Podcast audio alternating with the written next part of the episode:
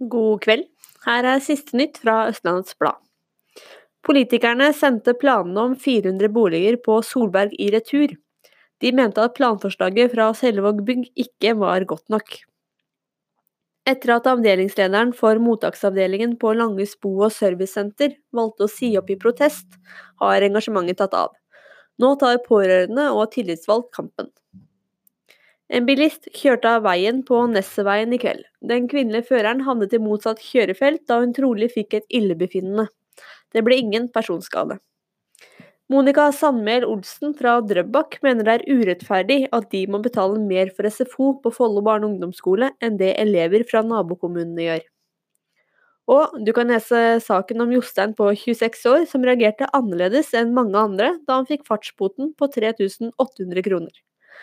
Siste nytt fra Østlandets Blad fikk du av Natalie Christiansen.